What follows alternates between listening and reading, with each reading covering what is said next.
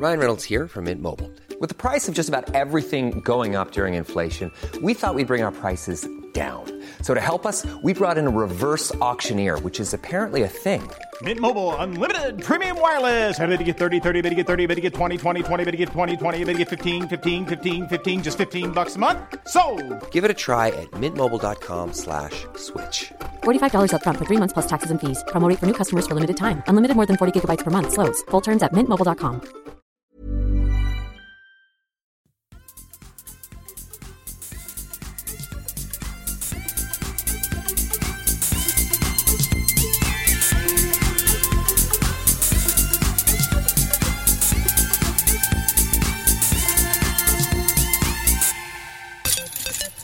Välkomna ska ni vara till avsnitt trippel två med oss i kedja ut. Jag heter Tommy Bäcke och jag gör det tillsammans med Niklas Nyman. Precis som vanligt så sitter jag i en garderob och Niklas sitter hemma i sin fantastiska poddstudio som snart kan vara vår.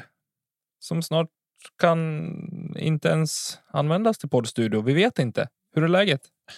ja, nej, det får tiden utvisa. Hörru du, läget är bra tycker jag. Jag har nyss, ganska nyss kommit hem från från barmarksträning. Så att eh, det är fint med mig. Vi har slutfört testerna. Har du tränat så- själv också eller? Nej, jag har inte tränat själv. Jag har bara Nej, okej. hållit i tidtagarur och gapat. Nej, gapat har jag inte gjort. Nej, men vi kör försäsongen. Vi har kört försäsongstester. Dana 300 har vi kört och så. Så nu ska vi på torsdag ska vi växla upp med mera löpning och intervaller och sådana saker och la- belasta lite sånt. Och så Ja, det. sen eh, just innan midsommar där ska vi köra Dana test 300 igen. Och sen får vi se vad som hur det ser ut när de kommer tillbaks efter sommaruppehåll Ja, just det. och så. Det blir väl nice. Så Vad duktiga de är. Ja, Eller ni är. Ja, Nej, men så det blir bra. Jag själv är väl på bättringsvägen. Jag har varit rejält förkyld här under helgen och, och så där. Eh, sen vart det inte bättre av att man stod ute en hel dag och huttra och frös åtminstone halva dagen.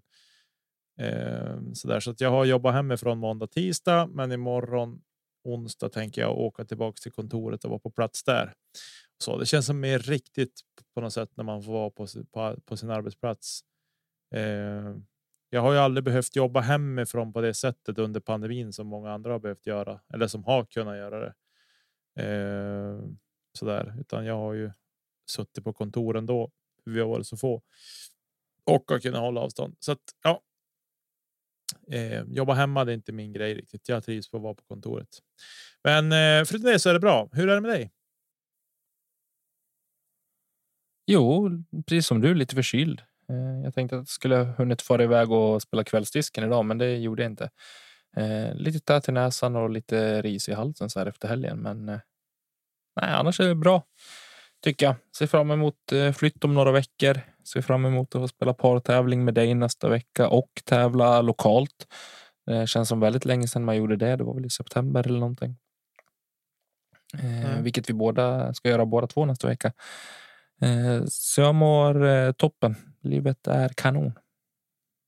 Härligt. Roligt att höra.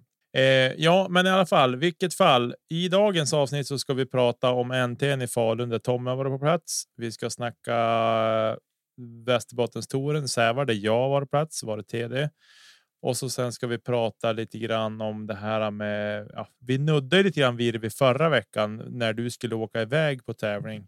Det här med Ja. Obe och Hazards och Dropzones och Mandon och hans moster och så där. Så vi ska prata lite grann kring sådana saker. Tommy har säkert suttit på resan hem och funderat ut det här. Så Tommy får styra lite grann i det segmentet så ska vi få till en bra diskussion kring de sakerna och så där. Och sen har vi ju en, en Så nämner vi väl lite Portland innan vi lägger på va? Ja, precis. Det kommer lite Portland Open också sen i slutet på.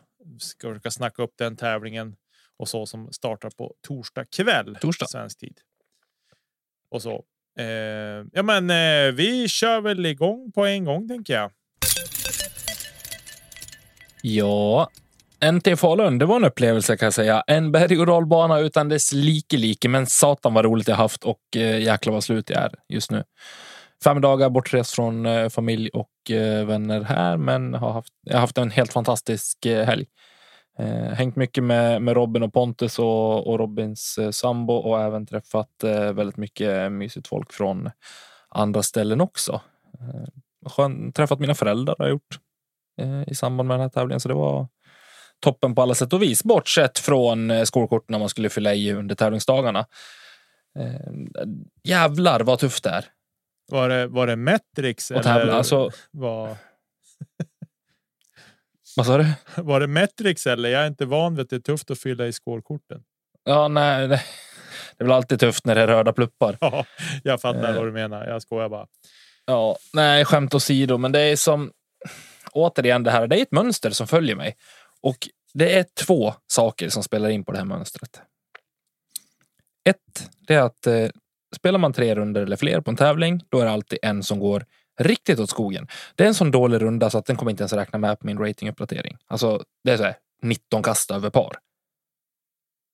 Det har folk sett som har sett mig, följt mig på Instagram. Och då är det också så här, varje gång jag gör en sån tävling, det är när jag har bärs underdel och marinblå överdel på mig. Och den här helgen då tänkte jag, ja, men nu ska jag kolla verkligen, är det så här? Och så blir det så. Jag kommer ju inte kunna tävla så längre. Jag kommer inte kunna ha de kläderna på mig. Ja. Nej, jag fattar. Jag har aldrig gått under par i den outfiten. På någon bana någonsin.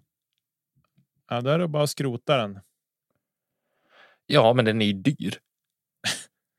Ja, jo, det förstår jag, men men eh, ändå. Alltså, du måste ju hitta på någon annan kombination då eller någonting som Jag får göra det. tycker jag. Men ska vi börja med min tävling då? Och bara gå igenom lite snabbt vad, vad som hände och vad som skedde. Ja, men gör det. Kör, kör på du. Det blir svinbra. Efter första rundan var jag inte så här, jag var inte så här jättenöjd. Jag kände mig ändå, ja men det, det är ett okej resultat. Jag låg på delad 17 plats.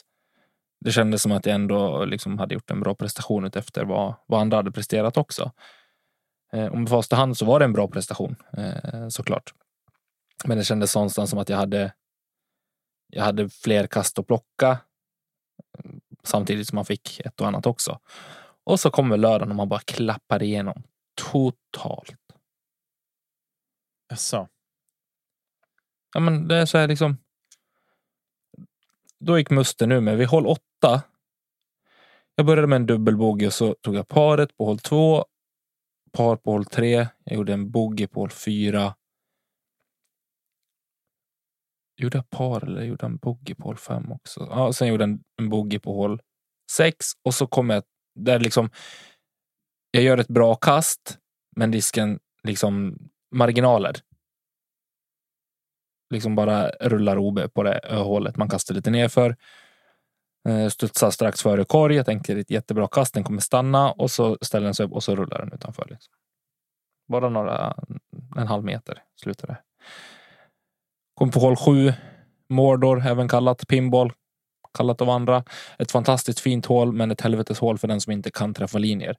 Eh, som i mitt fall den här gången. Eh, kastade ut ett okej utkast. Eh, låg lite pinched, vilket man räknar med. Eh, bara puttar ut. Jag har ingenting. Alltså jag ligger totalt värdelöst. Pitchar ut. Ska göra ett inspel för att ta liksom bogen. Ta upp en berg på en lätt forehand. Den studsar alltså precis före korg. Ställer sig på någon rot och hoppar över. De har satt, till och med satt liksom en, så här, en planka i bakkant mot OBn för att liksom försöka rädda den. Men den hoppar ta mig fan över den också. Precis som att någon bara tog risken och kastade över den. Så kändes det. Och då gick luften ur mig totalt. Jag hade ett... Jag låg också prime på, eh, på hål 8 på driven.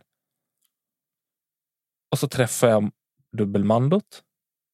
Jag, trä, alltså jag missar passagen men jag träffar liksom ena planket. Och får världens, alltså du vet man missar så lite att du får liksom världens monsterkick. Och så ligger jag så brunt så det var nästan svart. Så då försöker jag skicka in en forehand roller och det ska man ju aldrig göra. Alltså det, eh, redan här börjar det är ju blandat med dåliga beslut, självklart. Men återigen, en jätteöverstabil disk som jag lägger ner på heiser i backen Men den fortsätter ju bara. Det blåser också vänster-höger, så den borde ju bara lägga sig, kan jag tycka.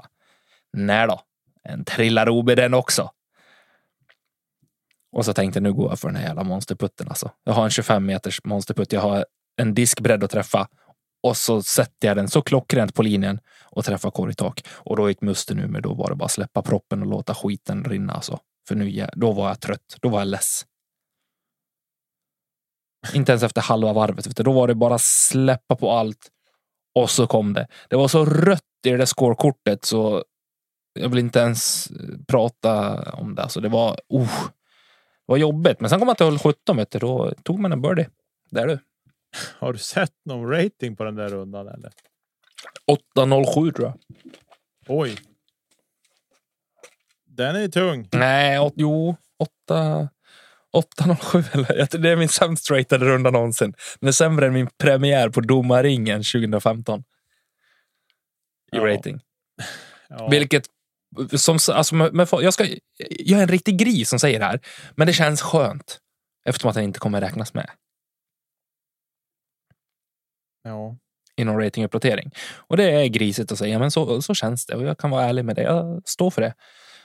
Och runda tre, då spelar jag totalt sju över par. Jag gör några dumma misstag, försöker rädda upp resultatet genom att vara lite aggressiv. Har inte riktigt grejerna på rätt sida och koll på grejerna. Alltså, där kommer liksom det här vad ska man säga, summan av att inte liksom haft kanske möjligheten eller tagit sig möjlighet att träna ordentligt eh, på situationer, på olika kast och så vidare. Eh, för jag löser inte det. Jag står på eh, sista par fyran och eh, ligger som i en slänt. Jag är safe men ligger i en slänt så stansen är inte helt okej och jag behöver ta ansatsen. Det är fortfarande 100, kan det vara 115, 120 till korg. Och jag känner jag har inte ett stillastående 120 meter i mig med en driver. Det, alltså jag, test, jag har ju aldrig tränat på det. Så jag vill lägga ner en roller, så jag gör det. I, tycker jag får ner den på en bra vinkel och det finns förhoppningar, men den har inte tillräckligt mycket kraft och den orkar inte över till slut. Men den ligger i korghöjd. Den ligger en meter på fel sida av OB-linjen, vilket är jättetråkigt för jag var jättenöjd med kastet i sig ändå. Att liksom ta sats och sen komma ner i en slänt och liksom göra kastet därifrån. Det är alltså tekniskt svårt. Mm. Men ja, som sagt, återigen marginaler och eh, blandat såklart med, med dåliga beslut. Sen eh, fluffar jag ett inspel på hålet efter och tar en dubbelbogey. Så då så här. Man gör vad man kan, men det, det räcker inte. Liksom. Jag fattar. eh, ja, nej, det är ju tufft när det blir så där, men så här tuffa runder kommer ju att gå. Sen fattar jag att man vill inte- kanske inte lägga de tuffa runderna på när man är på nationella touren och spelar, men vi har ju fått förstått att det är kläderna det sitter i och eh, Delvis. det Det får bli hoodie och kamouflagebyxor alltså. ja. Så jag klär mig som en jävla... Hej kom och hjälp mig ska jag klä mig som nästan jag tävlar. Kommer säkert vinna och skitbra då. vandrarbrallor. Och Salomon dojer, Men det är inget fel på, det kan man ha. Skorna är inte lika... hoodie. Och så Ja, en sån jävla hårdrocks-hoodie ska jag ha som det står Iron Maiden på. och så hatt. Eurotour. Ja. Nej, just det. Nej, men det är bra recap tycker jag ändå. Och eh, någonstans där tycker jag att smart. Det är både och det där. Det tar lite grann hårt i mig att man tankar sin runda för att den inte ska räknas med. Men på ett sätt förstår jag att du gör det också. Ibland Ja, nej, och jag köper att, det- att det låter illa. Det gör det och det gör det i mina öron också. Jag, jag vill ju inte göra så. Men med fast i hand så tävlingen är redan förlorad. Vad ska, alltså, jag har ingenting att spela för under tävlingen. Då finns det ju bara framtiden att tänka på. Ja, och så sen. Och sen det är blir inte så att sådär- jag liksom, jag, det är inte så att jag kastar OB med flit, utan Nej, det är bara det att jag eh, kanske hellre pitchar upp och tar ett par istället för att gå för en birdie. Ja, nej, men jag fattar helt och fullt. Det jag tänker är bara liksom så här att ja, men då kan man välja och kanske spela för att ha mera kul. Alltså man blir, man går på de här crazy line som man liksom hittar på dumheter och, och sådana saker. Mm. Det köper jag till 110 procent. Det skulle jag också göra, men nå, någonting i mig är så här. Ja, men du kan ändå rädda upp rundan. Du kan ändå rädda upp rundan. Så där. Ja, fast, Och- ja, Ja, fast det sitter i Ja. hos mig sjukt länge. Alltså det kan vara tre hål kvar. Jag tänker ändå att jo, men jag är tre birdies nu. Då har jag ändå städat till lite grann. Men man hade ju önskat att man någon gång hade insikten kanske. Ja, men skit i resultatet. Kör bara på det du tycker är kul. Testa nytt. Greja på. Mm. Eh, liksom. Men ja, ja. Ja, men gott så. Vi. Ska vi prata bara säga, lite alltså- resultaten då lite eller? ja, men bara innan vi, vi går dit så är det som. Sen är det ju så också att jag, jag är ju inte tillräckligt bra. Jag har ju, en, jag har ju ingenting där att göra. När det blir så här, så det, vi har ju exempel på det flera gånger. Alltså när det händer gång på gång. Jag klarar inte av att hålla ihop tre runder. Mitt psyke klarar inte. Min kropp klarar inte. Nu har jag varit kastledig i två dagar och jag fortfarande känner att jag är lite spänd i ena sidan på ryggen, samma som jag liksom känner under säsongen gång på gång. Eh, min, jag kanske passar bättre på att spela de här de här två runder på en dag istället och sen behöver få liksom extra viltid istället för att sprida ut över en hel helg. Jag vet inte, det kanske är så. Men jag är otroligt nöjd över mig själv och stolt över mig själv att jag faktiskt tog den här rundan som blev rent ut sagt skit och inte betedde mig som ett as. Vilket jag känner mig själv att i det sinnesläget jag befinner mig i just nu i livet och ja, med allt så hade det lätt kunnat liksom. Jag hade lätt kunnat tappat det. Eh, men jag tog det väldigt med väldigt ro ändå eh, och pratade med mina kortkamrater efteråt just om det också att liksom ha kunna brösta det på rätt sätt och liksom fick väldigt fint stöd och eh, jag ska inte säga medlidande, men en förståelse och en acceptans någonstans från övriga i gruppen också. Att mm, okej, vi vi förstår hur det, hur det känns och vi förstår hur det, varför du tänker som du gör. Eh, och det betyder jättemycket. Så jag är jättetacksam över att eh, ja, vi fick den, den konversationen under rundan och efter rundan också. Mm. Precis. Ja, nej, men alltså tittar man på resultatet i resultatlistan så är det ju. Du är inte ensam om att ha haft det tufft på banan om man säger så. Nej, Eh, så är det absolut. Så där så att. Eh, ja. I alla fulla fall. Så tänker jag vi tar MPO resultatet. Mm. Där en, eh, en av dina bästa vänner, Robin Willman, tar hem det efter en fantastisk sista Helt runda. Sjukt sinneskul, alltså sinnesroligt. Sinnessjukt roligt. Eh, jag låg ju bara ett kast efter honom efter första rundan, ska tilläggas. Mm. Han börjar med, han låg delad elfte plats efter första och så går han 500 andra rundan och så sätter han banrekord eh, och plockar igen fem kast på, på ledan sista rundan. Eh, jag har aldrig sett, alltså live, en person och en spelare som har så kontroll på det han gör, som har... Det var liksom så här, allting stämde för honom. Och det var, det var så kul att se att det liksom, när alla bitar bara faller på plats och det är liksom, det är inget snack. Oavsett vart vi var på banan och han låg efter tre kast eller låg efter fyra kast eller det låg lika. Det fanns bara en sak och det var nästa kast.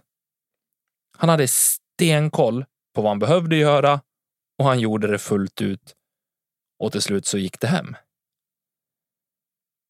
Mm. Och det är någonstans, det kom fram till mig. Jag blev, alltså, förvånad blev jag inte. Jag blev jätte, jätteglad för hans skull. Eh, Att han någonstans, för det blev ju som en liten, men, revenge någonstans. Han har varit borta från toppen i flera års tid. Vi vet att han är en duktig discgolfare. Men att kunna få göra det på hemmaplan, samtidigt ta banrekord, gå hot round, men framförallt göra den upphämtningen eh, fem, fyra kast bakom som han låg innan och vinna med ett kast till slut. Eh, otroligt stort. Eh, jag är sjukt stolt över honom och det var jätte, jättekul att, att se. Mm. Ja, det var fantastiskt roligt. Jag eh, följde det stötvis eh, under helgen här och eh, sen plingade det till i telefonen och så såg jag att det hade gått bra för någon och så gick jag och tittade så bara men shit, han tog jag hem hela klabbet. Eh, och så. Och det är roligt att du fick uppleva det med tanke på, på din och Robins relation och så sett tillbaka i tiden. Eh, så det är såklart kul. De övriga klasserna, eller jag ska säga stort grattis Robin. Jag har redan grattat dig, men jag säger än en gång stort grattis Robin. Jag vill också göra en sån här honorable mention. Daniel Hu. Eh, vilken jävla tävling han gör. Otroligt solid. Eh, gör inga misstag. Eh, ligger lite lägre i rating än, eh, än vad toppskiktet gör också, eh, vilket gör hans prestation ännu starkare. Han, jag trodde inför sista rundan att nerverna skulle göra sig påmind betydligt tydligare än vad de gjorde. Eh, men han höll i, alltså fram till hål, eh, hål 16, då var det liksom. Fram till hål 16, då var han. Han ledde. Mm. Och sen så. Ja, blev det som det blev. Eh, så otroligt stark prestation och jättekul att se ett nyare namn uppe i toppen också. Jajamän. Härligt att höra. Eh, MP40 hemmaspelare tar hem det där också. Peter Kalliomäki vinner ett kast före Marcus Källström och eh, sen har vi Henrik Söderlund på. På tredje plats. I MP50 så har vi en ja, snudd på hemmaspelare nästan, men Åke Wallbäcks. Det är väl Hofors som är hans hemmabana och hemma. Ja, och Sandviken. Hofors blir det väl. Precis. Eh, han vinner 11 kast före Raimo Värme på andra plats och Gustav Nygren på tredje plats. Eh, så där var det som inget snack vem som skulle ta hem det där. I FPO så har vi Hanna Jansson i topp. Två kast före Amanda Lennartsson, och tio kast före Ella Taylor på. På tredje, Tredje plats. plats. Och eh, Ella seglar väl upp i topp här tror jag då på i totalen om jag inte Mm. missminner mig. Eh, I ProMaster Women 40 plus har vi tre spelare med, alla på pallen såklart. Där har vi Maria Hellberg högst upp. Sen har vi Linnea Viking och Jenny Söder sen på tredje och sen i ProMaster Women 50 så har vi Raja Kalliomäki som var ensam startande där. Eh, ja, ska vi stänga NTN i Falun eller har vi något mer vi vill tillägga där? Emil Eriksson drog till med ett ace på hål två eh, under runda två, tror jag två. Mm. Eh, så det är väl värt att nämna, tycker jag. Eh, ja, nej, det är väl, eh, är väl det. Eh, tack Falun för en otroligt fin genomförd tävling. Otroligt kul upplägg eh, och fint att ha Fredrik på plats också. Eh, surrade lite grann med honom liksom kring både utmaningar och vad som låg till fördel för att liksom ha det upplägget som, som NT har i år. Eh, Och eh, det var uppskattat att han, han var på plats. Och eh, i övrigt så det klubben hade gjort med banan var jätte, jättefint. Det var jättefint skick på, på hela Åsbo. Och Anton som fick vara någon stand-in TD, fast det inte var han som var TD på, på pappret, så gjorde han ett jäkligt bra jobb han också. Härligt. Kul att höra. Ja, men du, då knyter vi ihop en till Falun och så hoppar vi vidare då. Hem till Sävar.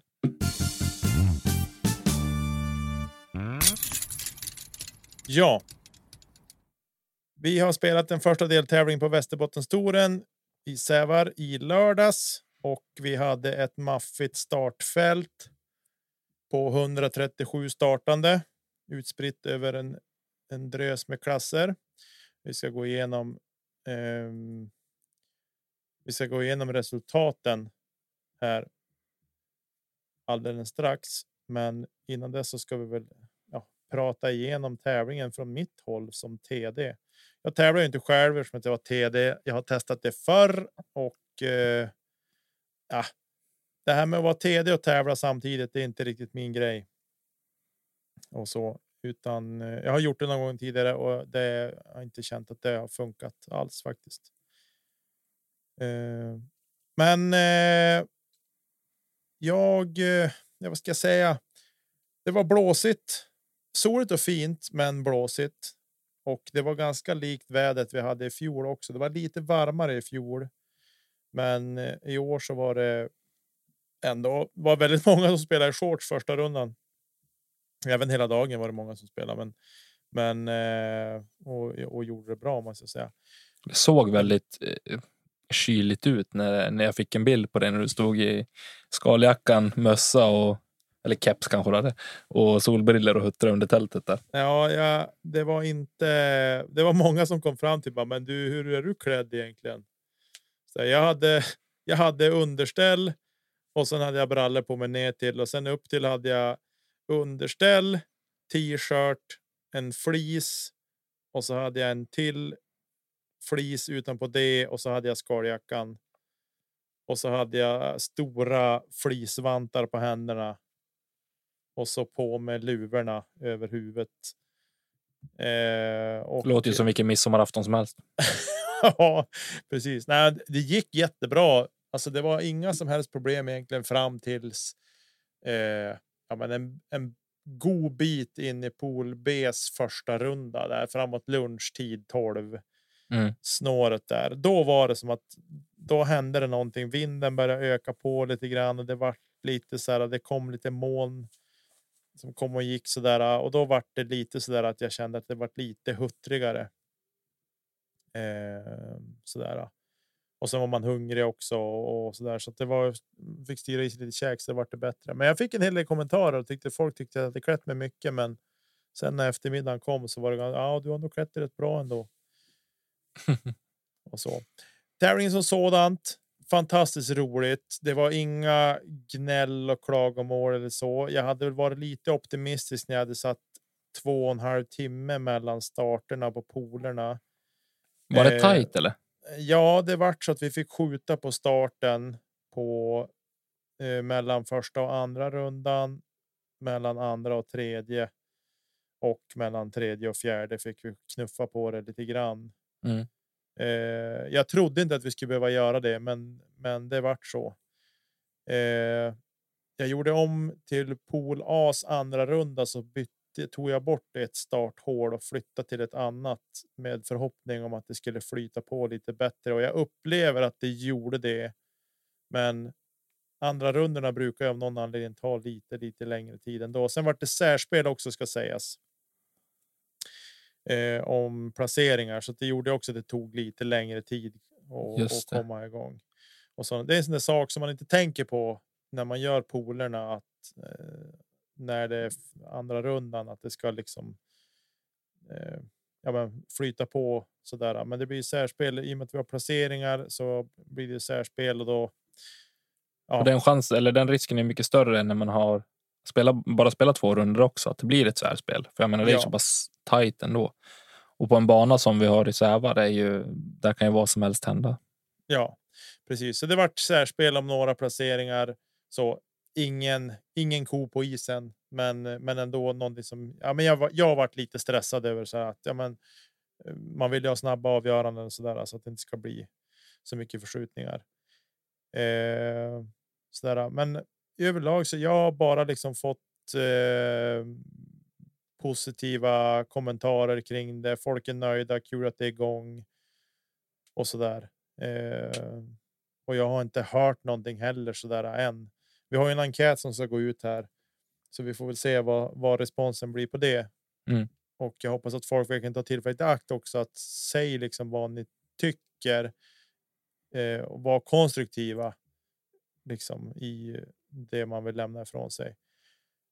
Eh, ja, men det, det, kan man säga redan nu. Alltså det, här, det här var skit. Det är ingen. Det är ingen kritik. Det är bara ilska eller missnöje. Eh, något, någonting konstruktivt som man kan göra någonting av.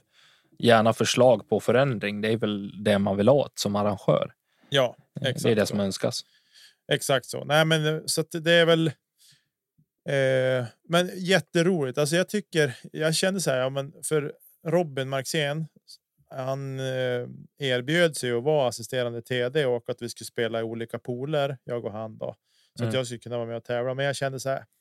Ja, det var ju snällt, men jag kände samtidigt. Ja, men jag har ändå valt att ta på mig TD rollen och så där och då kände jag att ja, men jag vill ändå vara TD fullt ut liksom och vara tillgänglig, för jag kommer ändå inte kunna slappna av.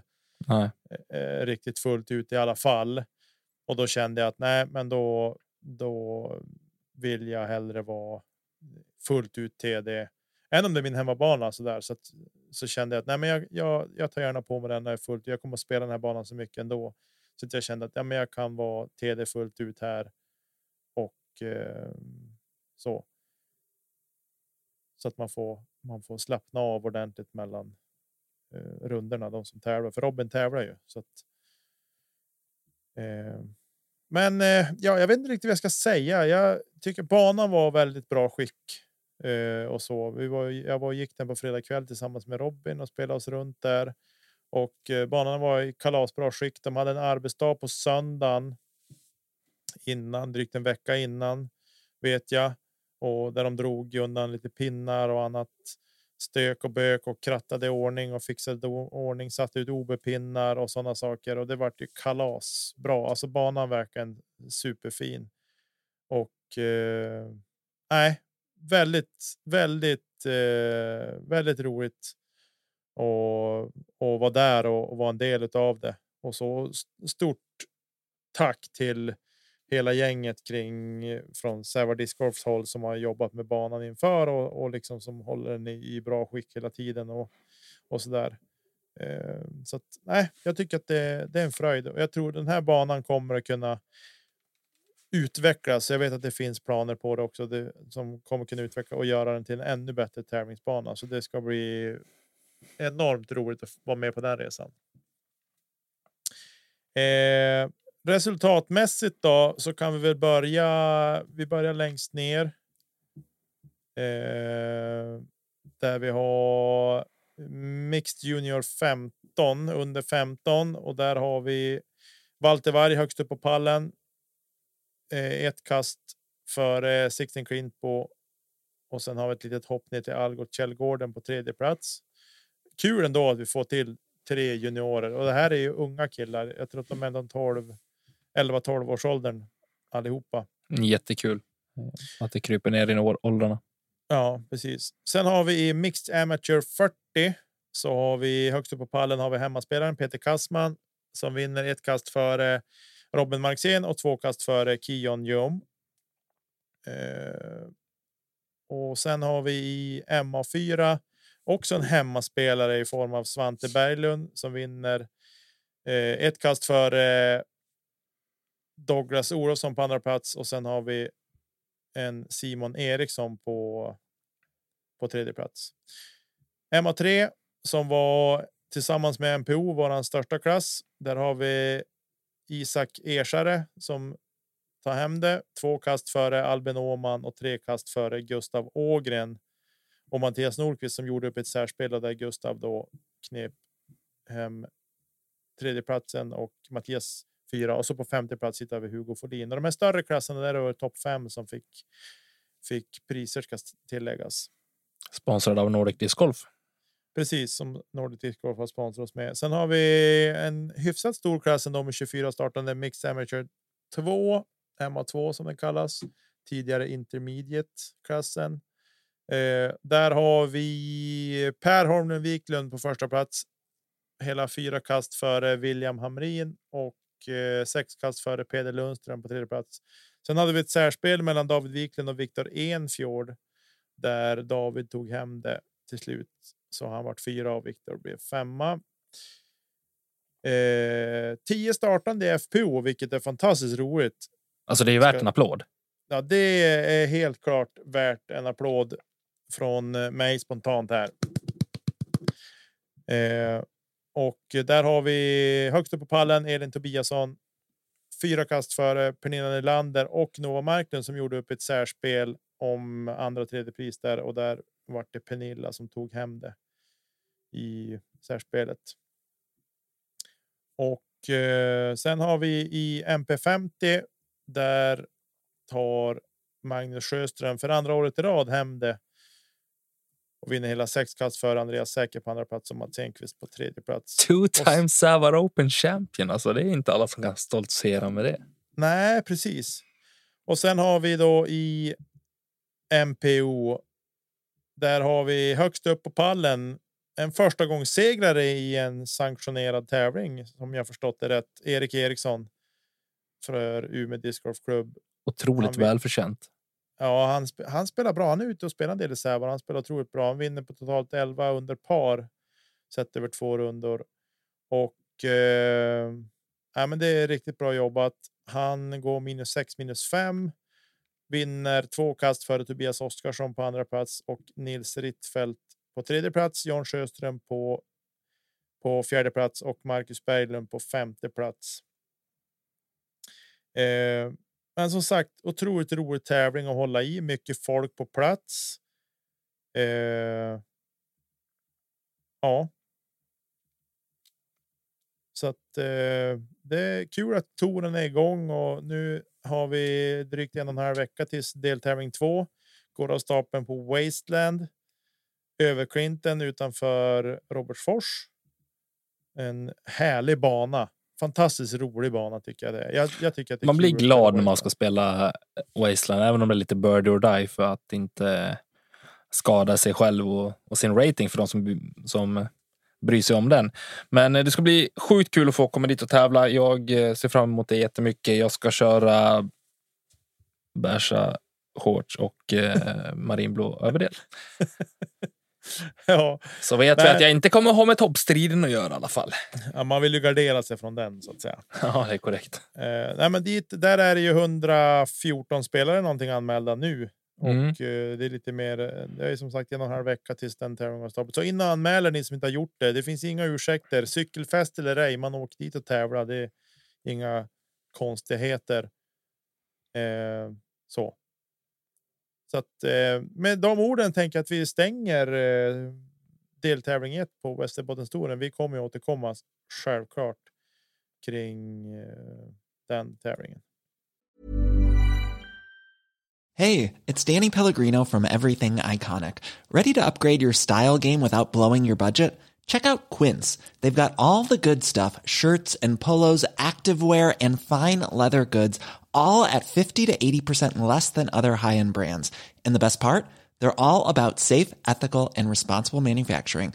Get that luxury vibe without the luxury price tag. Hit up quince.com slash upgrade for free shipping and 365 day returns on your next order. That's quince.com slash upgrade.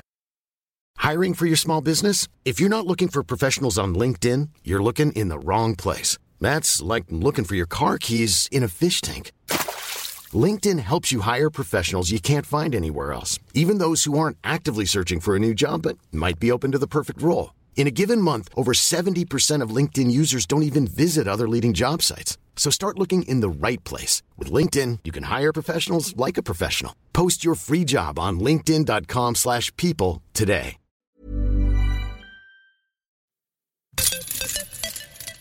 Yes, och jag tänker att vi ska. Jag fick lite inspiration eh, när jag lyssnade på Tourlife här med Brody och eh, Paul. Eh, när de pratade lite grann om OB, Hazard, användandet av de båda mandatory, DZ och så vidare och så vidare. Den var väldigt mycket inne på och fick inspel av Lisotte som var med också. Där jag delar vissa åsikter kanske och vissa åsikter är jag inte alls så, eh, så sugen på att hålla med om. Men jag tänker visst, jag vill höra lite grann Nicke vad du tycker kring det här. Eh, och då vill jag att vi någonstans ska utgå med den inställningen att dåliga kast ska bestraffas, bra kast ska belönas. Och hur gör man det då så rättvist det går som bandesigner eller som regelsättare på en bana och liksom med tanke bakom ja, vad gäller OB Hazard och så vidare.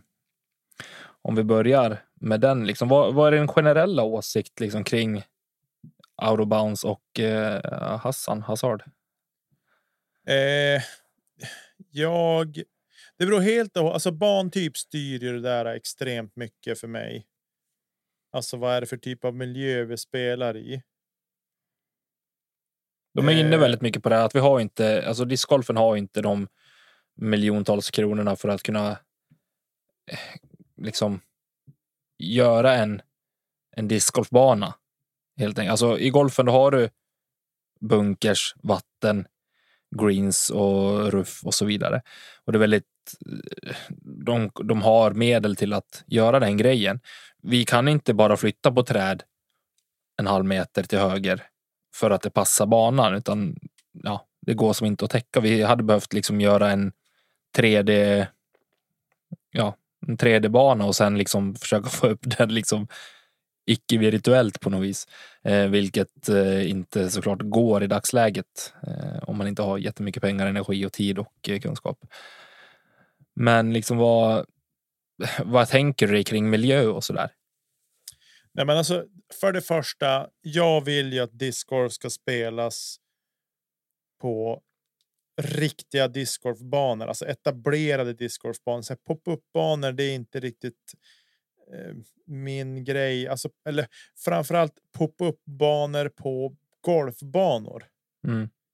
Ja, alltså, det, alltså nu spelas ju så här, för att förtydliga. Många gånger så spelas ju discgolfen i den ruffiga delen eller på publikstråken när de spelar på disco. Alltså där, trä, där det är träd och, och sådana saker. Där väljer man att göra discgolfhål istället.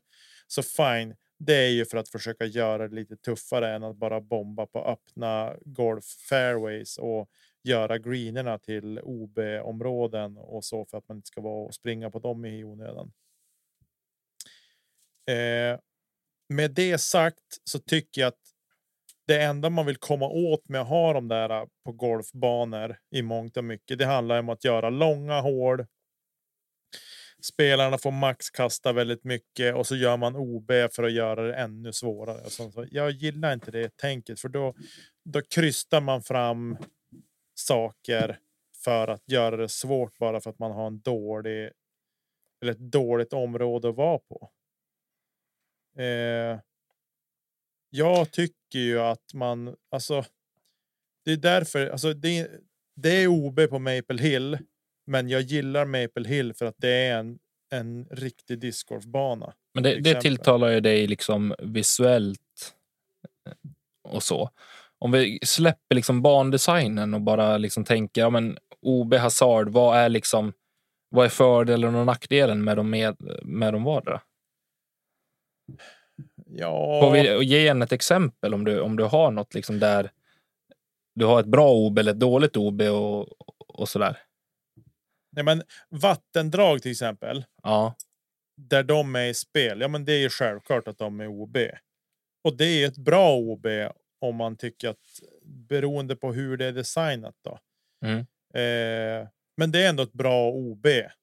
Och ja, men du, du kan ju inte ha hasard i vatten. Det går nej, inte. du alltså. kan inte ha hasard i vatten liksom. Så det måste. Så det, det är ett bra OB. Eh, hasard tycker jag att man kan använda sig av där man. För att ta ett exempel. Så tycker jag till exempel hål 18 på Umeå Disc Golf Clubs bana Mariehemsängarna. Mm. Till exempel. Där skulle man kunna göra hasard.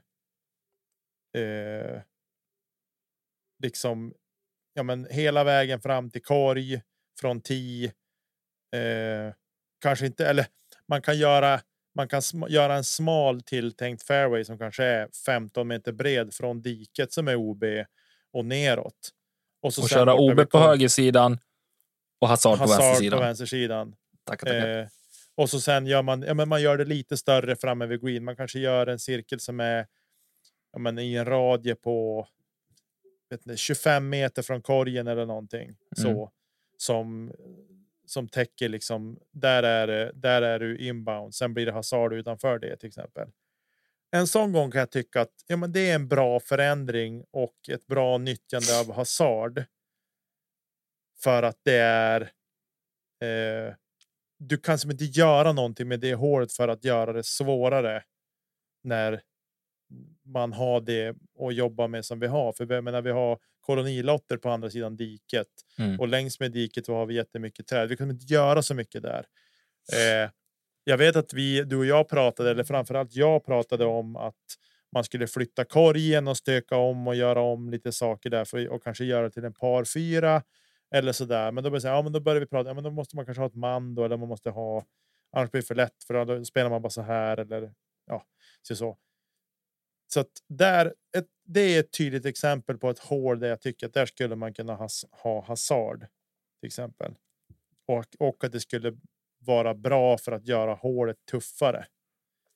Eh, sen säger jag att inte folk ju bara kasta som vanligt och göra sina birdies och gå därifrån. Det är det jag säger, men man skulle kunna göra det betydligt tuffare genom att göra hasard där. För Tidigare har du egentligen- haft en, eh, en dropzone där också. Eh, vilket eh, tack och lov är borttaget just nu. Eh, vad, vad tyckte du om det? Det vill säga, kastade man OB på högersidan, då fick man gå direkt till dropzone. Ja, det beror lite grann på. Du kan ju tjäna 60 meter på att kasta tidigt OB till exempel. Precis, det är här jag menar. Här kommer ju liksom... Gör du ett okej kast som rullar OB nerför slänten på högersidan vid korg så straffas du genom att ha en 16 meters putt från dropzone. Mm. Medan om du istället känkar en, en drive och tappar ut den tidigt eller sent beroende på om du är vänster eller högerhänt så får du liksom avancera 70 meter för att belönas med en 16 meters putt för par. Istället för att du ska ha press på dig och göra ett inspel för att kunna ta din boogie. Mm. Jo, så är det. Och det, det här är ju dock så måste jag säga liksom så här, man får ju väga. Jag är, jag är inget fan av drop zones. Det är jag verkligen inte. Och Det är speed förstår of play i så fall. Som Ja, men jag, först, ja, jag förstår hur jag förstår. Man måste liksom hålla flera tankar i luften samtidigt. Det jag menar är också med att eh, just det här med att du får gå till drop zone om du skippar ut vid korgen. Så är det någon som säger ja, men det är lite risk and reward. Alltså förstå, förstå mig rätt i det. Alltså, Jo, men det var därför jag sa ett okej kast kast och inte ett bra kast. Ja, men, men eh, sen är det väl alltså. Jag tycker liksom, ja, men är det OB är det OB och då får man ju fundera kring hur tajt in på korgen ska man ha en OB-linje? Inte som på håll 9 på Åsbo i alla fall. En, cent, en meter och 83 centimeter till bakom korg. Där gick OB-linjen. Toppen. Jag är sådär. Jag gillar ju inte att man sågar av cirkeln ens Nej. med. Jag tycker att cirkeln ska vara inbounds alltid. Det får ju också bero på proportionerna på hålet. Alltså är hålet 42 meter, ja men då kanske du kan. Ja, då kan man ta men jag tycker inte att ett hål på 42 meter ska inte vara med på en.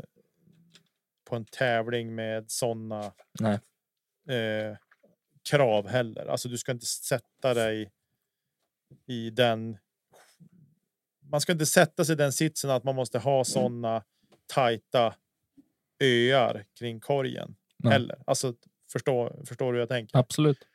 Eh, men sen.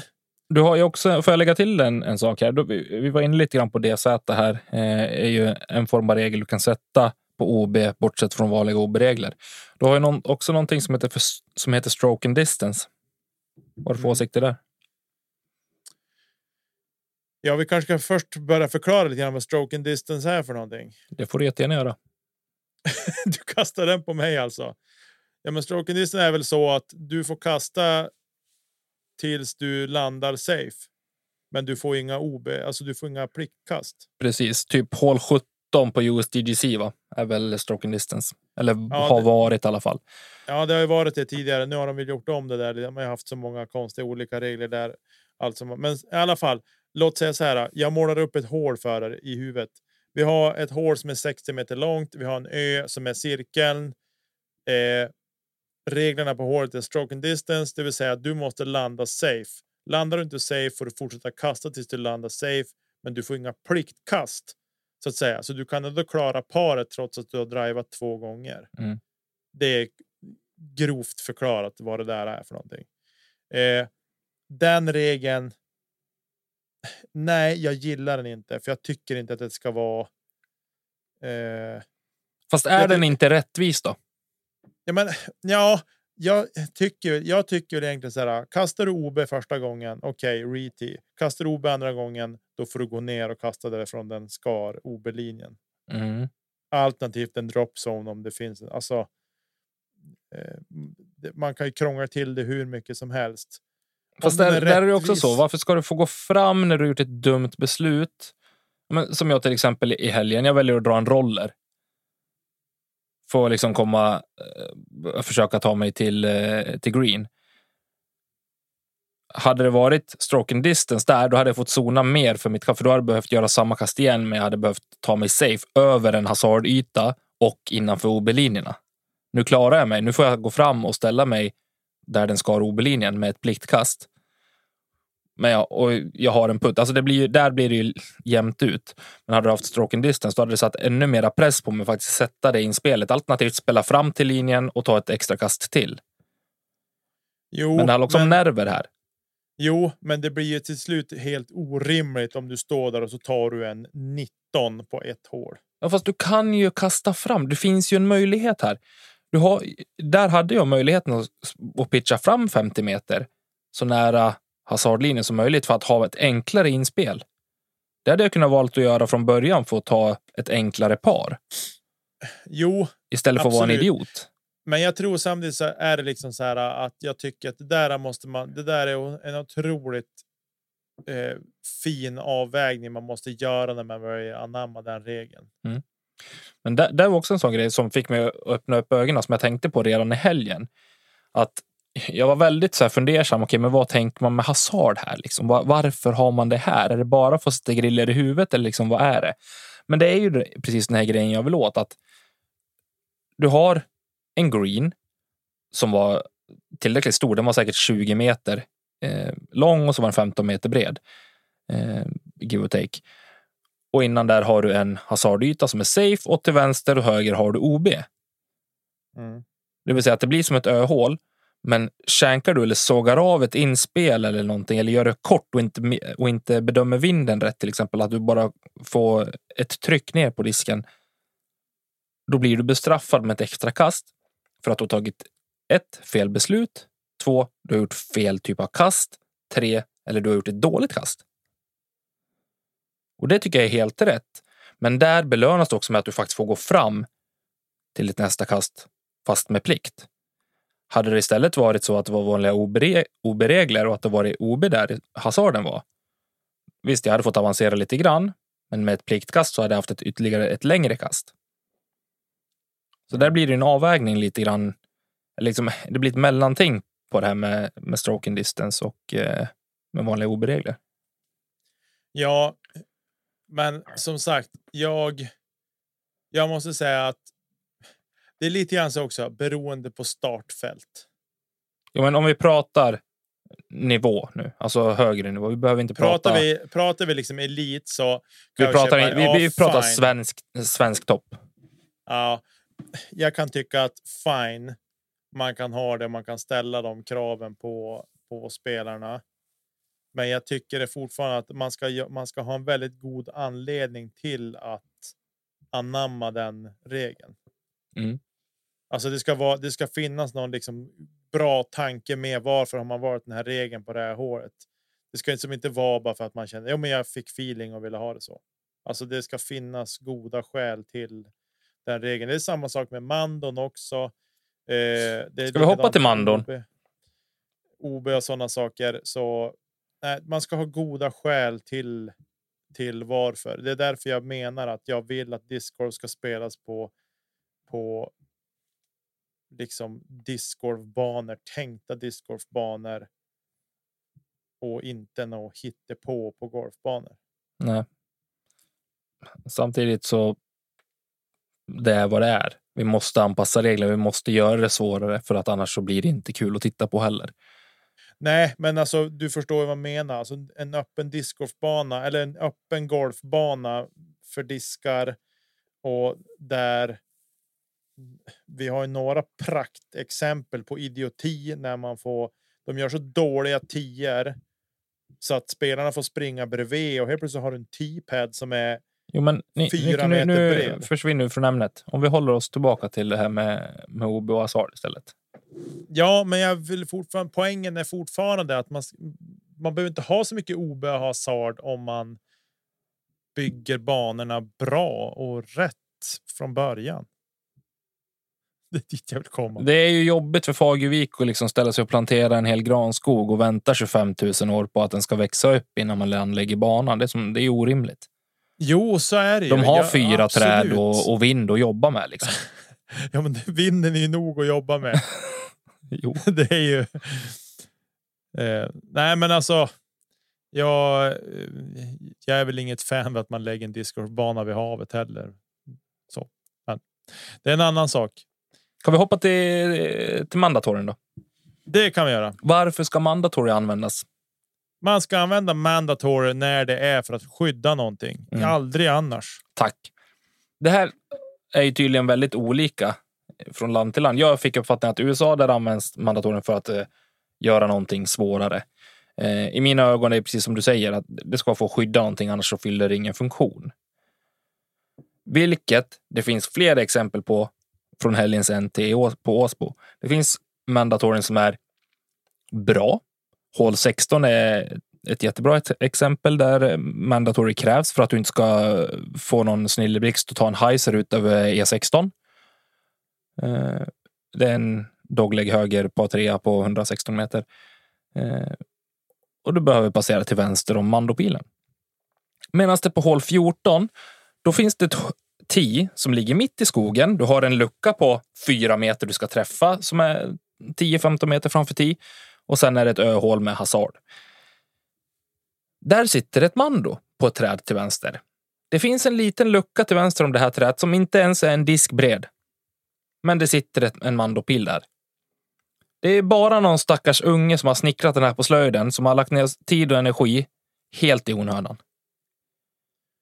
Det, det fyller men det- ingen funktion alls. Nej, men det där är ju en sån här klassisk bara varför. Fan, och är det så här, fanns det någonting där någon gång i tiden att det gick att kasta där eller är det bara liksom en gammal synd som inte är kvar? Nej, Ja. det, det är ny. Hålet, alltså T-placeringen är ett halvår gammal. Så den är tillkommen efter det. Men i tillägg till det här då, då har man alltså 15 meter framför 10, 10 kanske. En liten grön konstgräsplatta som är en gånger en meter och kallar det för drop zone. Och det är inte ens plattor du ska stå. Det är här det kommer in. Det ska inte vara ett mando där från första början. Alltså det, det fyller ingen funktion. Och den här DZ den är så dålig så det finns inte. Den fyller inte heller någon funktion. För du måste stå där med en fot på den här lilla plattan och kasta ditt tredje kast stillastående. När man hade gjort, kunnat göra det mycket enkelt. Om du nu måste ha ett mando där och det är någon ynka liten människa som, om det ens är möjligt, hade gått förbi på den vänstra sidan om det trät. Ja, men kasta igen från tid då. Det, det här delsättet är det sämsta i världshistorien. Varför finns det ens där? Det syns ju inte ens i mossan. Mm. Det är ett jättebra exempel på ett skitdåligt DZ. DZ på mandon, ta bort det. Det behövs inte. Inte någonstans. Jag tycker så här, alltså det, på majoriteten av alla banor med mandon jag spelat kan du göra ditt nästa kast från din föregående laj. När du har missat ett mando. Mm. Du får plikt som bestraffning. Och du bestraffas även för, det blir dubbel bestraffning, jag vet det. Eller ja, bestraffning gånger en och en halv kanske.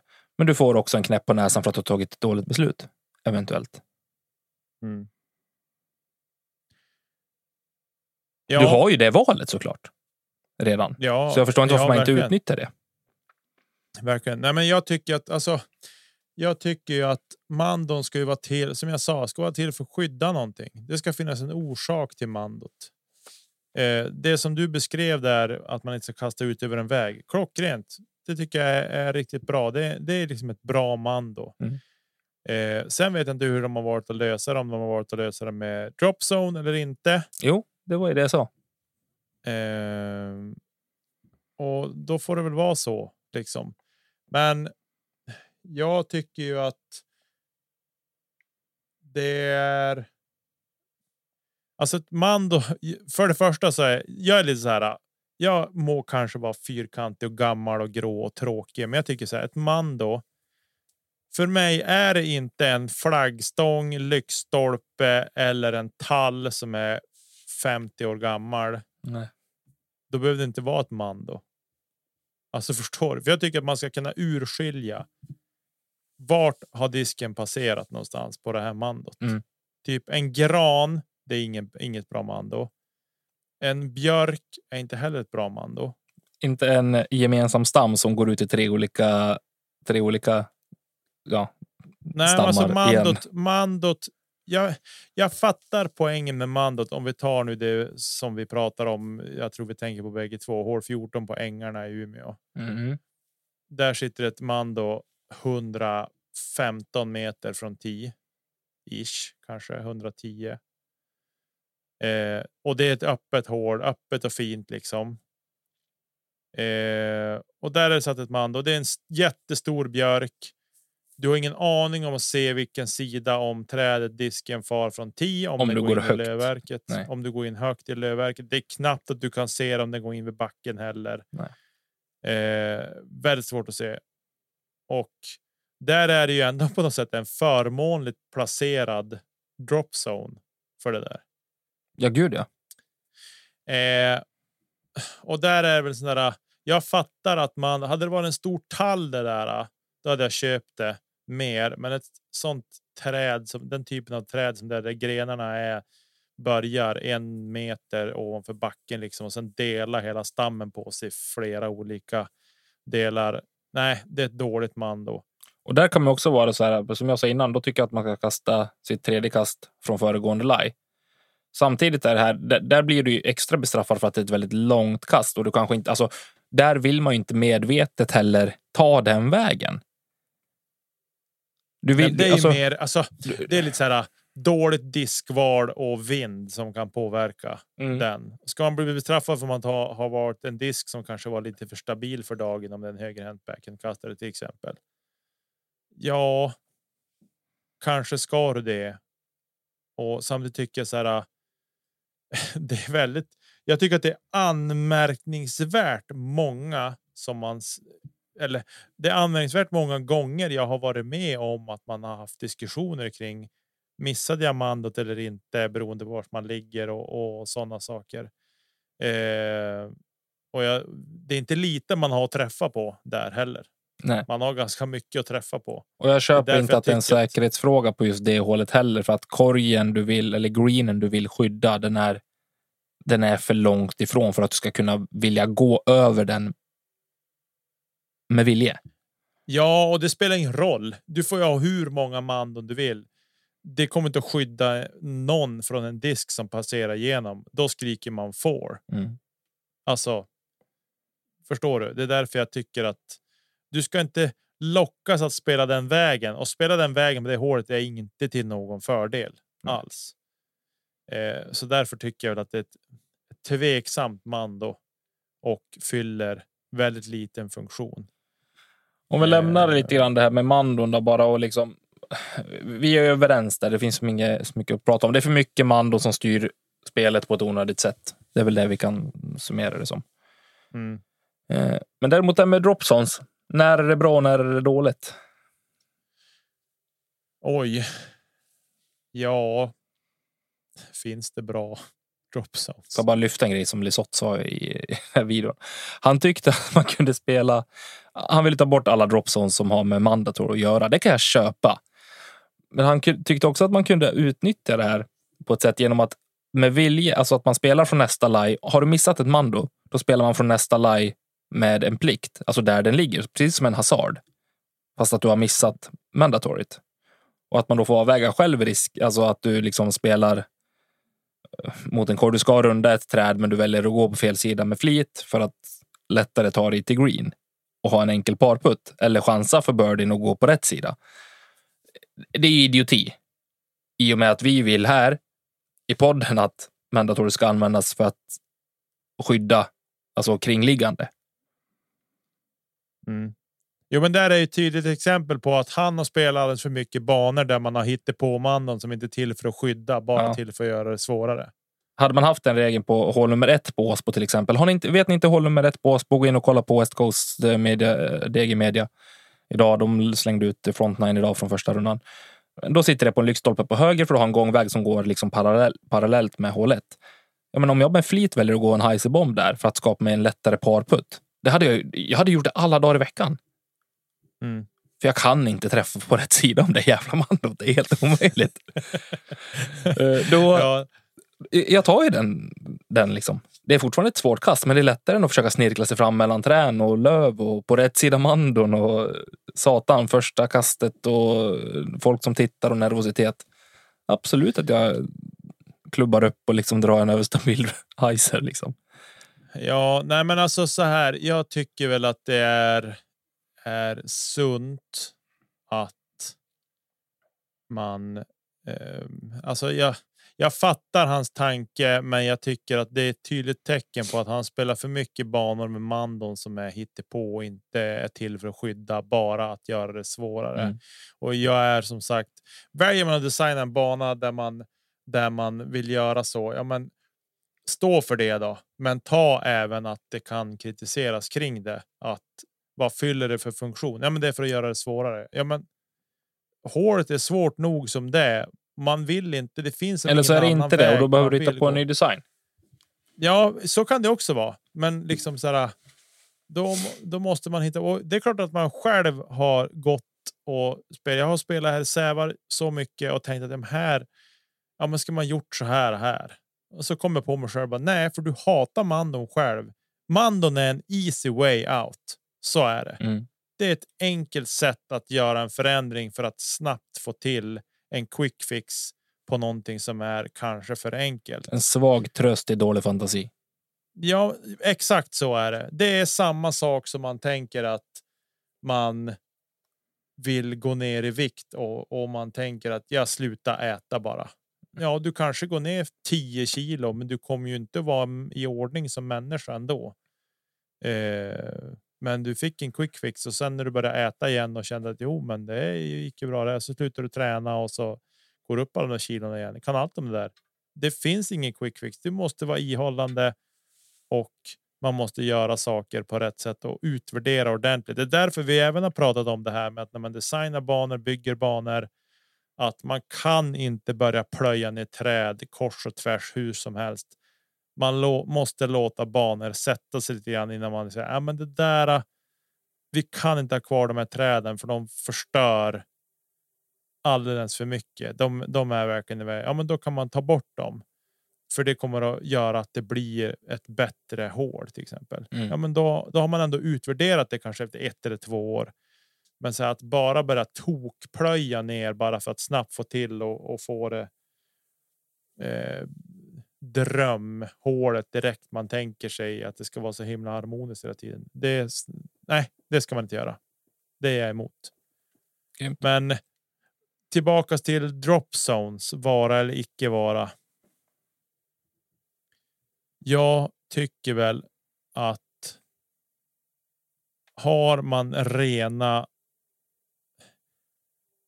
Jag är inget fan av öhål. Har man öhål så tycker jag väl att man kan få nyttja dropzonen. Det är här, här kommer in. Nu kommer jag in på det själv också. Du ser vilken quick fix tänk man har. Jag tycker kommer, inte ja, det. men, ja, men så här, kör stroke and distance där då och sen när de missar en gång. Eller liksom missar du två gånger, då får du gå till drop zone. ja, då eller avancera. Ha fler drop zones då. Ja, men alltså fattar vilken reptilhjärna man har? Mm. Men också så här. Det, Hade det inte varit så på vilket öhål som helst. Du kastar, missar och så går du till dropzone, gör det tredje kast och så pitchar du i en enkel fyra. Det är väl snällt på många gånger och det är elakt många gånger också. Ja, men för jag har du en så liten ö. Varför då belönas med att en liten ö på ett längre kast? Varför då belönas med att få gå fram till dropzone när du gjort ett dåligt kast? Alltså jag kan inte köpa den grejen. Du ska bestraffas när du har kastat dåligt. mm. Du ska inte få belönas med att gå fram och ha en 12 meters putt för par. ja. När någon som har träffat ön och gjort ett bra kast ligger på 11,5 meter kanske. Jag tror att det är hål 12 eller 13 på Alviken. 12 tror jag. Där är det. Det är ett väldigt kort hål utför med, med en ö. Där var det när det var SM där så var det drop zone bredvid ön. Alltså det var kanske åtta meter till korg eller någonting. Missar Mm. ön gick till drop zone. Där har de gjort om nu, så nu är det ingen drop zone längre. Nu är det hasard runt hela ön. Ja, tack för det. För vet du, det hade jag älskat. Att man gjorde så på fler öhål där det inte är vatten omkring. Det är svårt att ha det på hål 16 på uh, Emporia. Ja, Där kan du inte ha hasard liksom. Men du har fortfarande en drop som kanske inte är den lättaste.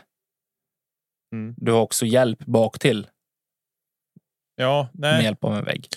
Men liksom att... Nej.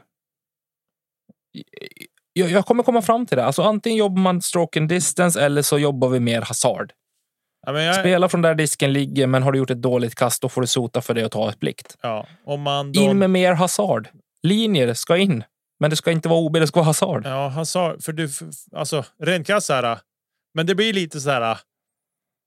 Vad är det som skiljer det från Lisottes tanke då med Mando Miss? Du får ditt Ja, är, prickkast. Du, det är ingenting egentligen. Förutom att eh, vi pratar mandatory och det ska vara någonting som skyddar Alltså någonting som skyddar allmänheten. Du ska inte, du ska inte aktivt göra ett val att gå på fel sida. nej, men förstår du, hur jag tänk, förstår du hur jag tänker? Att har du hasard så kan du ju bomba på ordentligt och komma till kanske en jättebra lie, men som är hasard. Ja, men återigen, då är, det liksom, då är det risken du får ta. Du är medveten om att du får ha ett, eh, ett eh, penalty stroke, men du kan också välja att spela safe inom situationstecken. Ja. Nej, det är, det är. Det är en. Eh, det kräver sin tankeverksamhet när man ska bestämma sig för vad man ska ha och inte. Och så här, var inte rädd att prova olika. Men kör någon månad med en regel och så byter vi nästa månad. Alltså det är ingenting som säger att man inte kan göra det. Mm, nej, och liksom kom fram till det här själva. Alltså, har ni en bana som ni själv håller på att designa eller ett hål, ja, men spela den själv med olika regler. Se, okay, men vad utmanar dig mest? Eller vad upplever du? Liksom, blir du belönad av ett bra kast? Blir du straffad av ett dåligt kast? Jag är ingen bandesigner. Jag kan bara sitta här och liksom spyga alla och säga vad jag tycker eh, och vad jag tror. Och där vill jag vara hård, både mot mig själv och mot andra som får det för enkelt efter att ha gjort ett dåligt kast på den nivån där vi alla vill vara och tävla. Mm ja, Men sen om det är facit eller inte, det, det, det tror jag absolut inte. Eh, utan att vi har ju utmaningar med det och det är därför det finns många olika lösningar på det också. Som du är inne på, liksom att det kan vara en quick fix med mandatorer och DZ. Ja, men på vissa ställen kanske det krävs för att det finns inte möjlighet att lösa det på annat sätt. Eh, av olika anledningar. Men i en optimal värld, i en tävling, på en tävlingsbana där vi vill liksom ha ut det bästa av de bästa spelarna och sätta lite krav och, och press eh, på de bästa spelarna. Där behöver vi optimera. ja, vi behöver optimera, men som jag var på var inne på, på tidigare. Vi måste spela mer på riktiga discgolfbanor. Mm. Där, där står jag fast vid. Och det är inte ett elljusspår eller det är mitt i skogen där man inte ens kan ta sats när man ska kasta. Nej, men alltså, det är därför. Det är därför jag gillar Serpent Hill till exempel. Världens bästa bana i Sverige. av den anledningen att det är liksom byggt en riktig discgolfbana. Där blir du. Där är det liksom så här bra kast. Får du belöning av dåliga kast, naturlig ruff, tufft och svårt. Liksom inte en massa onödig OB och mando och grejer. Sådär. Eh, Nej, där hade de ju kunnat sätta ett mando på hål 15 till exempel, långa par femman som eh, går ner till höger sen. På den yttersta tallen på högersidan bara för att man ska gå runt. Men vet du vad? Gamblar man och så drar man ett magiskt kast rakt genom skogen, då får man belöningen för det också. Precis som det ska vara. Mm. Ja, ja, men då- precis. Då, och då är det så. Och jag, nej, därför och terminalen är likadant. Mm. Också en fantastisk anläggning. Eh, och så. Jag får samma vibbar för jag har inte besökt Ale, men det är på bucketlisten för i år. Ta sig dit. Och det är samma sak där också, att man får känslan av att det har varit bra idéer. Inte en massa hittepå grejer, utan det är liksom bra rakt igenom och det är så det ska vara. Eh, och jag fattar att jag tycker väl att det här har Lisotta, jag har inte lyssnat på det själv, men jag, jag håller med om att det är ju ett hittepå att kunna göra så. Eh, men däremot så tycker jag att Lisott har varit inne på mycket bra saker också. Att det här med att men vi måste göra banorna mer tekniskt svåra. Det ska inte bara vara bomba långt på öppna banor. De måste, Mm. Vi måste använda, bli tvingade att använda mer midrange och mer putters också. För man kan göra så otroligt häftiga kast med en midrange och en putter också. Forma Ja, kast. Ja, men kast, alltså man kan forma kast på, ett, på olika sätt och så där. Och dit måste vi betydligt mer också. Och Det håller jag med om, om till 100 procent. Just för att det måste utmana. Man måste utmana. Liksom de bästa spelarna. På ett annat sätt. Men vi ska inte dra några paralleller mellan världseliten och tävlingen här i Sävar. Men. Det är många som tycker att ja, men det är för mycket enkla hål här i Sävar. Ja, men den landar ändå på 9.35 i på par-ratingen över helgen liksom. Eh, och sett till den banan är, om den är nu så himla enkel. Då kanske ratingen skulle vara nere på 9.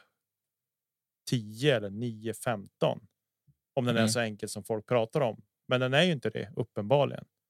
Men är inte det också, är inte Sävar ett ganska bra exempel på bana där duktiga spelare belönas för att de kan träffa linjer och sämre spelare som inte är lika erfarna och tränat lika mycket inte kan det. Det vill säga att lågt ratade spelare inte spelar på hög rating, men högre ratade spelare spelar på en högre rating. Det är en rättvis bana på det sättet. Den är rättvis på det, på det sättet. Träffar du dina linjer så kommer du att klara av det galant och kunna gå ett bra nog många kast under par. Mm. Liksom. Nu pratar jag med Erik lite grann och så där. Ja, han liksom. Ja, men kastningen var okej, men puttningen var on fire sa han. Den var, Men det är en rikt- alltid för honom. den var riktigt bra sa han och då blir det så här. Ja, då fattar jag att liksom du kastar okej, men puttningen är riktigt, riktigt bra. Så där, och det kommer du långt på på en tekniskt svår bana. Eh, sådär. Och sen som sagt utveckla banorna, men utveckla dem på rätt sätt. Ha en tanke med vad man gör och. Inte hugga ner för mycket träd tidigt. Plantera gärna träd också för den delen. Ping Fagervik. Ja, det känns väl så bra att avsluta på. Är det så att ni lyssnare har åsikter och tankar och idéer om det här så dela gärna oss dem på vår Instagram. Där heter vi kedja ut. Vi läser allting ni skriver och återkopplar på det mesta som vi tycker är intressant. Du, jag tänkte på Och en, jag, vi inte missar någonting. jag tänkte på en sak här i kring det här med som vi har pratat om. Nu pratar vi om hål 18 poängarna lite grann. Vi kanske kan ta med en bild från Caddeboken i vårt inlägg kring det här avsnittet. Ja, jag kan försöka lösa det. Eh, och då, nu när ni har lyssnat på det här redan så då har ni förstått det. Men, men eh, det kan vara bra att ta med. Eh, gött snack. Tycker jag. Tycker du Tycker jag också. Ska vi köra Portland lite snabbt eller? Ja, men, Ta, ta det tillbaka på amerikansk mark. Vi behöver inte köra så snabbt. Vi kan gå igenom lite grann av vad saker. Vi, det var länge sedan vi släppte något lite längre Avsnitt som var över timmen. Fan, vi- Det här blir ett poddavsnitt utan dess like, Nicke. Mitt internet kommer inte klara av att ladda upp mitt, mitt spår till dig. Oj, oj, oj, vilken tid det kommer att ta. Nej, men så här då. Eh, ta ta det tillbaks, vilket känns fantastiskt roligt. Page Pierce som har nu skrapat ihop någon seger här är, är med också. Vi har många namnkunniga med. On Scoggin som har varit stekhet är med. Katrina Allen, Sarah Hokum, Cat Merch som nu vann senast är med. Eh, ja, Holden Hanley, Gannon. Det är hela konkarongen här av bra spelare i FPO-fältet är med och kör, vilket är såklart superroligt. Och sen gillar jag det här smeknamnet Carolina Reaper Halstead. Den gillar man ändå. Lite hybris man har då. då. det kan man väl tycka. Eh, och sen då i MPO så har vi ju liksom ett gossigt startfält med Eagle, Calvin, Gannon, Ricky, Kyle Klein, Lisotte, Barella, Isaac Robinson. Ja, det är gossiga killar som är Linus Karlsson är med. Ja, Det är gossiga killar som är med. Ja, Nej, men eh, gött. Max såklart på plats också. Så det blir kul. Du på tal om Ricky. Jag har ju jobbat. men limpan då? Eh,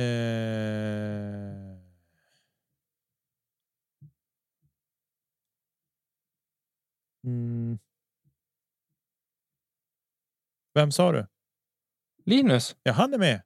Han har jag nämnt. Ja, du sa han. Jag missade. Ja, ja. ja, Jo, Linus är med. Eh, nej, men eh, vad ska jag säga? Jo, på tal om Ricky. Jag har sett lite grann från Cascade Challenge. Jag har sett finalrundan ska jag säga. Och Nice. eh, gisses vad bra han var. Otroligt kul att se. Och sen en, ett nytt namn för mig som ploppade upp i helgen som har spelat fantastiskt fin discgolf. Evan Scott. Discgolf Mm. sponsrad kille. Jag var tvungen att gå in och kolla. Han har ju ett relativt lågt PDGA nummer ändå, så han har hållit på ett tag. Men eh, otroligt grym puttare alltså. Mycket fina långputtar satte han och fin teknik. Jag gillar ju sånt. Det gör väl alla, men Det gör du. och så. Sen får vi väl se då vad som. Vad som händer. Paul Macbeth ska ju till Europa och kastas. Jag vet inte om han. Det går Estonian Open går av stapeln på fredag också, så att eh, han är där. Han är där. Ja, du ser. Så att det blir fullt ös för honom. Här i Europa. Det var väl sex tävlingar han skulle göra här innan han skulle åka tillbaks till USA igen.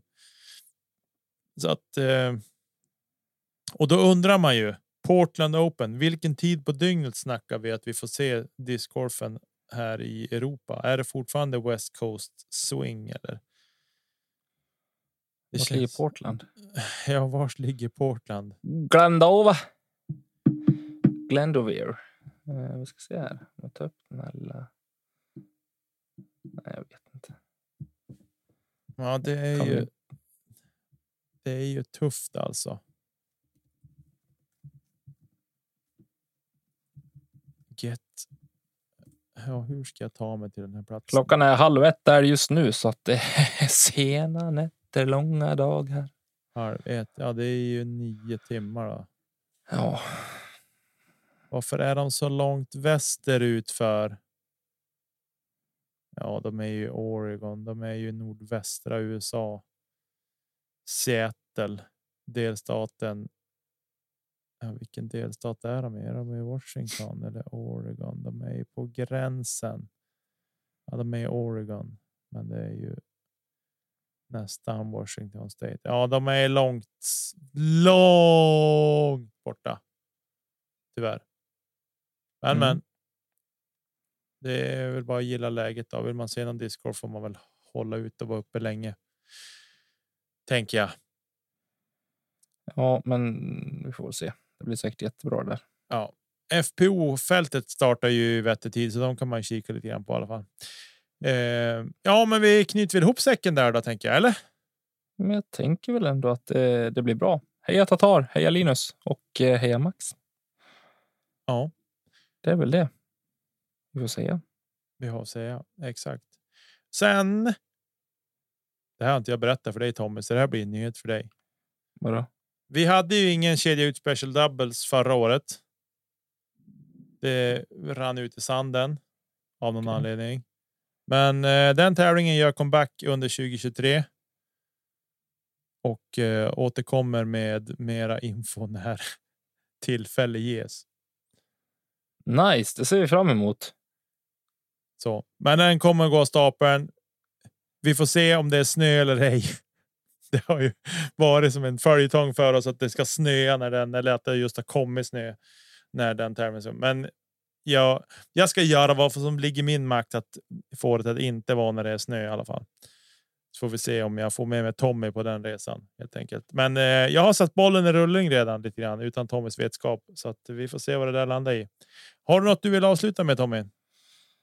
Jag eh, säger tack till alla som lyssnar. Jag säger tack till alla våra patrons som fortsätter att stötta oss och eh, stort tack till dig Nicke. Tack själv. Vi eh, hörs nästa vecka förhoppningsvis med en eh, partävling färskt i minnet. Ja, exakt. Ha det gott hörni. Vi hörs och ja, tack Emil och Marcus också för jinglar och grafik såklart. Eh, Såklart. inte att förglömma. Du har en eh, fin dag så hörs vi något då. Samma. Puss och kram. Puss och kram på er. Ha det gött.